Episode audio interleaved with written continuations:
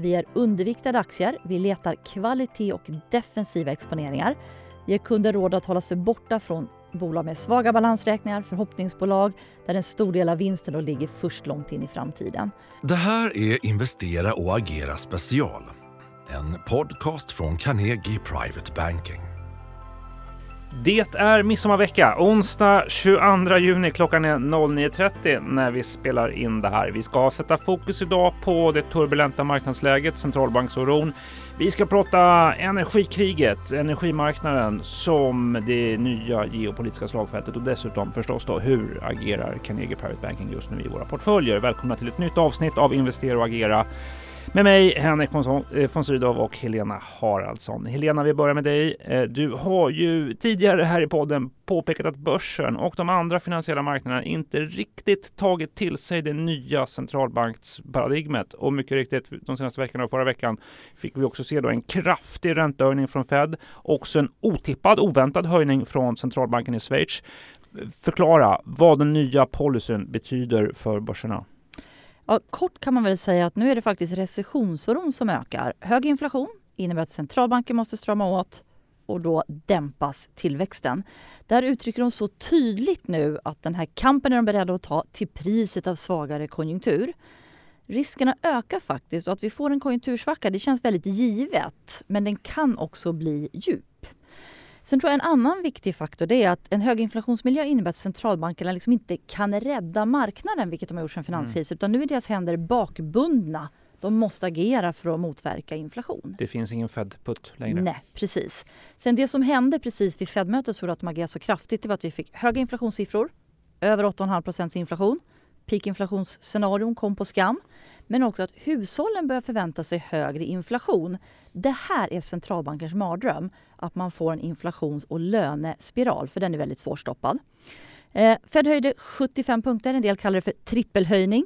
Eh, där hade marknaden förstått precis dagarna innan. Men det som ändå gjorde att man har fortsatt reagerat negativt det är ju att centralbankerna, både Fed och andra, ideligen i år har fått erkänna att de har gått fel i sin analys. Mm. Så återigen då så lyfter marknaden sina prognoser för räntebanan framåt. Som ett exempel kan man säga att idag är ju amerikanska styrräntan på 1,5 procent. Man tror att den ska gå till runt 3,5 vid årsskiftet och 4 om 12 månader. Den här åtstramningen som de signalerar, det är då, om vi går tillbaks till 90-talet, alltså tre mm. decennier tillbaks, den största i storlek och den snabbaste i tid.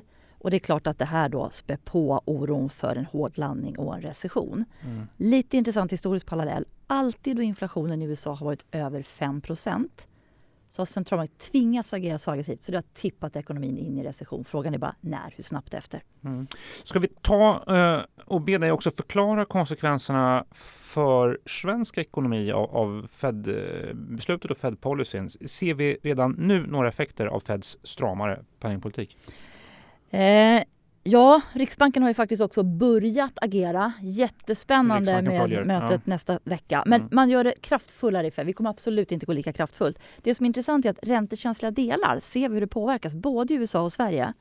Bostadsmarknaden faller. Det ser vi i USA, både försäljning och byggaktivitet. Lite intressant att virkespriserna i USA har halverats sedan i mars.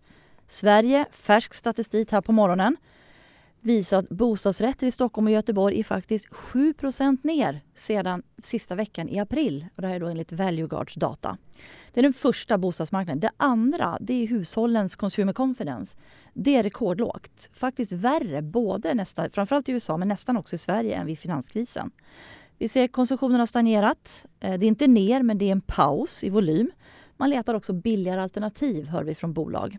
Så mer lågpriskedjor kanske kan gynnas. Det tredje tycker jag, och det är ju lite mer börsrelaterat, det är att vi har sett fler vinstvarningar från bolagen. För att mm. nämna tre exempel i Sverige är ju e-handlaren Boost, Sport och fritid är ju XXL och faktiskt också Medtech, Getinge. Just det. Eh, så lite av en tipping point kan man säga för bolaget. Nu har leveransproblemen varit så länge så nu kanske de själva måste göra åtgärder då. Kostnadsbesparingar, cancellera ordrar, anställningsstopp och så vidare. Så att kort och gott, man flyttar fokus från ränteoro till konjunkturoro och man flyttar lite fokus kanske från inflation till vinster. Mm. Bara mycket kort förklara också Schweiz centralbanks agerande. Eh, det där brukar inte vara en stor sak. Varför var det viktigt nu? Ja, det var faktiskt ingen som hade det räntemötet på radarn och ingen trodde att de skulle agera. Det var därför det skrämde. De höjde ju med 50 punkter, alltså en dubbelhöjning. Och det intressanta, de har inte ens en inflation som är 3% Den är 2,9. Och då är det här, då tänker marknaden att ah, ett tydligt tecken på centralbankernas vilja att tämja inflationen. Och om Schweiz kan agera så här kraftfullt, vad kan då inte komma från andra centralbanker? Mm. Schweiz kanske är den högaktigaste centralbanken också. I alla fall tidigaste. Den tidigaste högaktigaste, mm. ja precis. Du, mycket snabbt att tolka eh, de senaste svenska signalerna mm. om inflation, eh, konjunktur och eh, vinstutsikterna. Just igår fick vi faktiskt två intressanta datapunkter. Dels Konjunkturinstitutets prognos för svensk ekonomi de slår på trumman för lågkonjunktur, men vad de egentligen pratar om är en mjuklandning. Men intressant att de säger att nu kommer arbetsmarknadens förbättring att upphöra. Och de säger att företagen må vara optimistiska, men hushållen har ju sällan varit så pessimistiska. De pratar mycket om den här köpkraften, de pratar mycket om räntor och bostadsmarknad. Så deras prognos är att vi endast får runt 2% tillväxt i år och ner mot 1-1,5 nästa år, med faktiskt lite minus på konsumtionen, alltså fallande konsumtion. Den andra det tycker jag var vår egen eh, inhemska småbolagsbarometer som Carnegie Analys gör. Den görs ju varannan månad. Den faller. Den är ju konstruerad som många andra barometrar. 50 är den kritiska expansions respektive inbromsningsnivån. Nu är den på 43. Det är lågt. Eh, efterfrågan är visserligen i expansionszon men mycket svagare än normalt. Kostnadstrycket är ovanligt högt. Samtidigt är det då lite svårare för bolagen att höja försäljningspriserna. De verkar ha stabiliserat sig för tillfället. Det här innebär att det finns en risk för marginalpress. Ja du Henrik, det finns många heta oroliga områden. Geopolitik och ekonomi. Eh, vi har ju sett stopp för rysk gasexport till ett flertal länder i EU.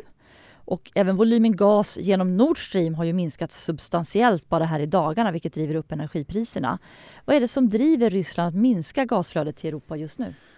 Man kan man noterar att Tysklands vice eh, kansler pratade om att de här strypta gasleveranserna vi såg i veckan, det är en ekonomisk attack mot eh, Europa. Syftet är att minska volymen för att förstås då trycka upp priserna men också starta en splittrande debatt i Europa om misär och rädsla, rädsla för lägre levnadsstandard egentligen då. Det har vi sagt tidigare och pratat om att energimarknaden är det uppenbart främsta slagfältet i konflikten mellan, ja du får säga NATO men kanske framförallt Europa och Ryssland i det här då. Notera också tajmingen här. Vi pratade om konjunkturutsikterna Helena energivapnet mm. eh, i den här konflikten, det är ju mer laddat. Det blir mer laddat i en miljö med sämre ekonomiska utsikter. Vi hade inte utsikter om lågkonjunktur eh, eh när, när, kriget inleddes, inleddes vilket så att säga, ytterligare vässar vapnet. Eh, så att det här ja, det, det, används verkligen tillsammans med livsmedel kan man säga också. Det är aktuellt eh, med exportproblemen från Ukraina. Det, det, det, blir ju verktyg i en utpressning mot omvärlden med syfte att destabilisera, splittra och hota och pressa EU till, till eftergifter. Eh, ja, du, man ska också nämna det kanske, vapnet har ju använts på båda sidor. Ryssland eh, har ju stängt av gaskranen till till exempel Finland, Danmark, Holland. Eh, men det är också vissa EU-länder som själva har valt att inte importera eh, rysk gas.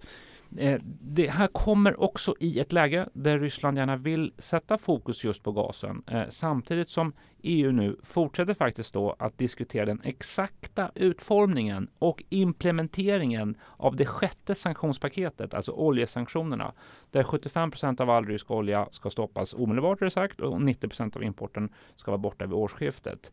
Eh, Ryssland vill då ha ett fokus på, på, på gasfrågan eh, hellre. Eh, drar man ner gasen nu, eh, minskar gasexporterna så får det flera konsekvenser. Dels nämnde jag det här med ett ökat pris på alternativ också. Dels så minskar ju Europas möjligheter att fylla på sina lager inför vintern. Sommaren är ju inte risken när det blir, det är ju väldigt varmt i Europa just nu så att det, det, det är mindre risker under sommaren. Men på sikt att fylla lagren inför vintern, det medför ja, risker då för en ja, uppenbart kall vinter ehm, eh, och en mer splittrande politisk debatt med i värsta fall också då ransoneringar av gas. Eh, och saknar Europa lager med gas, energilager inför vintern, då försvårar det ju eh, mm. för EU att fatta ett beslut mm. om ett infasat embargo för mm. europeisk gasimport apropå konsekvenser Henry, vi ser också nu hur flera regeringar prövar för att öppna kolgruvor igen. Till exempel Tyskland, Österrike och Holland överväger sådana beslut. Eh, vad ser vi om utvecklingen av energipolitiken i Europa? Vilken riktning är den på väg att ta? Alltså, kriget ritar mycket snabbt om energipolitiken i Europa. Jag tror att det är viktigt att ha två tidsperspektiv i huvudet när man pratar om detta. På kort sikt är det precis just det, det vi också sagt tidigare, att kolet kommer komma tillbaka. På lång sikt är det också tydligt att eh, eh, kriget kommer att accelerera omställningen i Europa mot mer av förnybar energi och ett mindre beroende av Ryssland. Väldigt mycket handlar om att nu skaffa alternativ. Europa planerar, eh, planerar ju faktiskt, ska man säga, eh, för ett stopp av eh, import av rysk gas. Frågan är när det kommer. Eh, här går det nu fort att bygga upp alternativ. Förutom uppstarten av kolgruvorna så är det, har vi ju sett flera regeringsinitiativ, flera diplomatiska initiativ för att ersätta gasberoendet med flytande gas.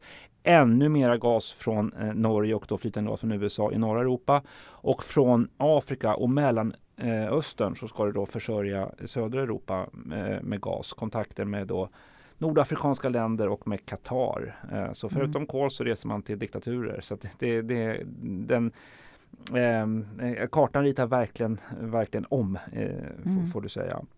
Eh, man kan också notera det här då att det här kommer kräva väldigt stora investeringar. Hela den omställning som vi pratar om kommer kräva stora offentliga investeringar och privata investeringar.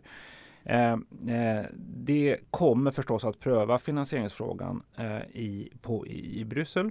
Vi har ju på på bordet så finns ju kommissionens plan Repower EU det, det, är ju ambitiösa planer att varje år öka investeringar i den här gröna omställningen. Finansieringsfrågan är exakt oklar. Hur ska det finansieras? Räkna med bråk om det samtidigt som riktningen är mycket tydlig. Du kommer förutom det här Repower EU också prata om att använda EU-fonder för rättvis omställning till klimatneutralitet och så vidare. Kanske använda pandemifonder som inte har använts mm. och så vidare. Det här kommer skapa möjligheter. Om du vill avsluta med ett affärsperspektiv här så kommer det skapa möjligheter för nordiska bolag som är exponerade både mot, eh, förstås mot energiomställningen, både vad gäller infrastruktur men också rådgivning till detta. Så, så vill du vara optimistisk så kan du mitt i allt det här eländet utifrån ett sektorsperspektiv klar, klar, tala om ett mm. Klondike in the making mm. när det kommer till, till omställning. Ja, från Klondike till sanktionspolitik då, framåt. Vad ska investerarna hålla ögonen på? Vad kan vi förvänta oss på det området? Henrik? Jag tror eh, för det första eh, kanske från gas till olja fortsatt. Håll, håll koll på utformningen av det här oljeembargot, hur det ska gå till och vad som blir den faktiska konsekvensen beroende på utformning och tillämpning. Det kan faktiskt ytterligare pressa oljepriset eh, ska sägas. Dessutom så, eh, särskilt är faktorn om att europeiska och amerikanska försäkringsbolag inte ska försäkra fartyg som skeppar rysk olja. Eh, det där kan vara en väldigt stor sak för, för mm. oljemarknaden eh, om, om, om, om, beroende på hur det genomförs. Sen tror jag att sanktioner framåt har blivit svårare. Eh, dels på grund av de för, för, förändrade och försämrade ekonomiska utsikterna. Dels att vi också då mycket tydligt är högt upp på sanktionstrappan. Eh, jag tror just den här frågan om att svårigheter att nu bygga energilager, det kommer försvåra besluten om gasembargo. Det kommer dra ut på tidtabellen för hur det ska implementeras också. Ett möjligt sjunde sanktionspaket efter sommaren kommer möjligen då fokusera mer på andra delar. Tätare tillämpning av de sanktioner vi ser. Ta bort alla ryska banker ur Swift Eh, och möjligen då också tidtabellen för utfasning av, av gas. Eh, men räkna med under sommaren, gasfrågan, energifrågan kommer trigga fortsatta konflikter EU-Ryssland under sommaren. I värsta fall så kan det leda till utsikter om en rätt besvärlig vinter med energieffektiviseringar och, och ransoneringar av gas i Europa. Helena, eh, ja, downbeats eh, ton i, i samtalet här. Du, du beskriver utan tvekan en, en, mer problematisk marknadsmiljö under sommaren och också tidig höst och också ja, den utsikten jag ger på energimarknaden eh, och energipolitiken pekar ju också på en rad utmaningar. Hur agerar vi och hur tycker du att investerare ska agera i sina portföljer? Ja, först tycker jag kan vara på sin plats att påminna lite om att förra året när nästan allt steg, då var det ju både lätt och ganska klokt att spela offensivt, att ta risk. Eh, nu gör vi faktiskt det omvända. Vi spelar mer defensivt, vi tar det ganska varligt med risk och vi har lite fokus och råder kunderna att ha fokus på att bevara kapitalet i den här miljön. Vi är ju sedan april underviktade aktier, det vill säga vi har lägre aktieexponering än normalt. Sen är det väldigt individuellt vad det betyder för varje kund. Men om vi ska gå igenom de stora delarna när vi allokerar kapital, så om man pratar om ränteplaceringar så har ju inte ens de fungerat som skydd i år. De har också fallit, dock mindre än börsen. Eh, räntenivåerna nu är ju tack och lov, om vi ska ha en positiv vinkling på det mer attraktiva än tidigare. Så de börjar bli ett alternativ till aktier. Men vi tror att värderingarna och avkastningsnivåerna på många ränteplaceringar kan bli ännu bättre. Det vi har gjort i portföljen nyligen är att vi har gått från övervikt i nordiska företagsobligationer till en viss undervikt. Och skälet är egentligen att de obligationerna har klarat den senaste tidens oro väldigt bra. Eh, vi föredrar ju i de tryggare delarna av portföljen då för att diversifiera aktier hellre alternativa investeringar. Det är ju den portfölj där vi kan jobba lite mer då med direktägande i fastigheter, infrastrukturtillgångar och råvaror. Och vi tycker det är ju alla då tre tillgångar som passar i dagens inflationsmiljö.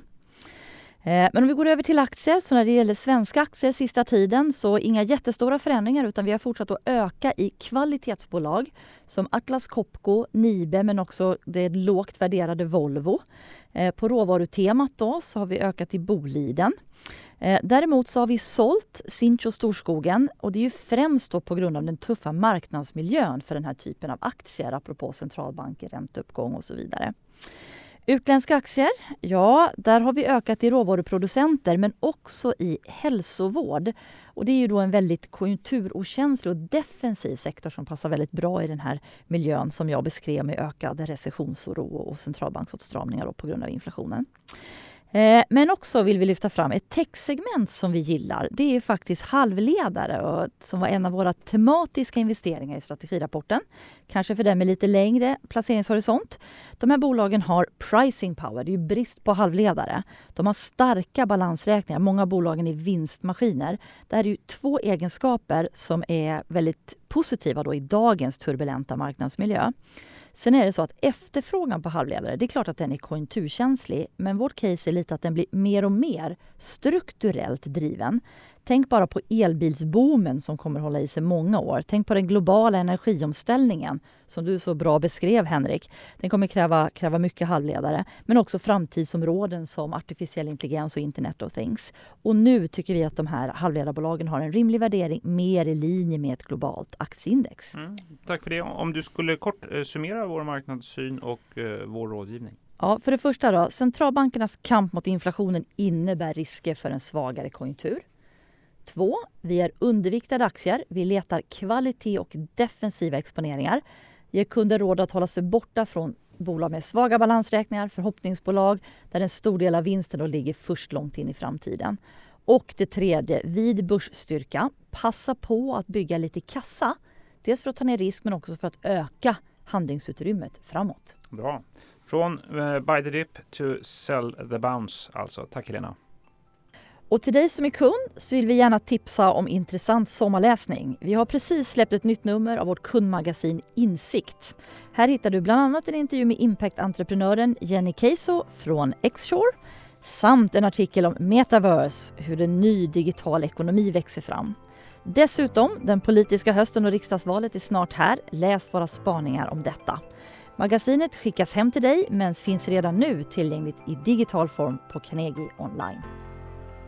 Är du intresserad av topprankad aktieanalys och unika investeringsmöjligheter?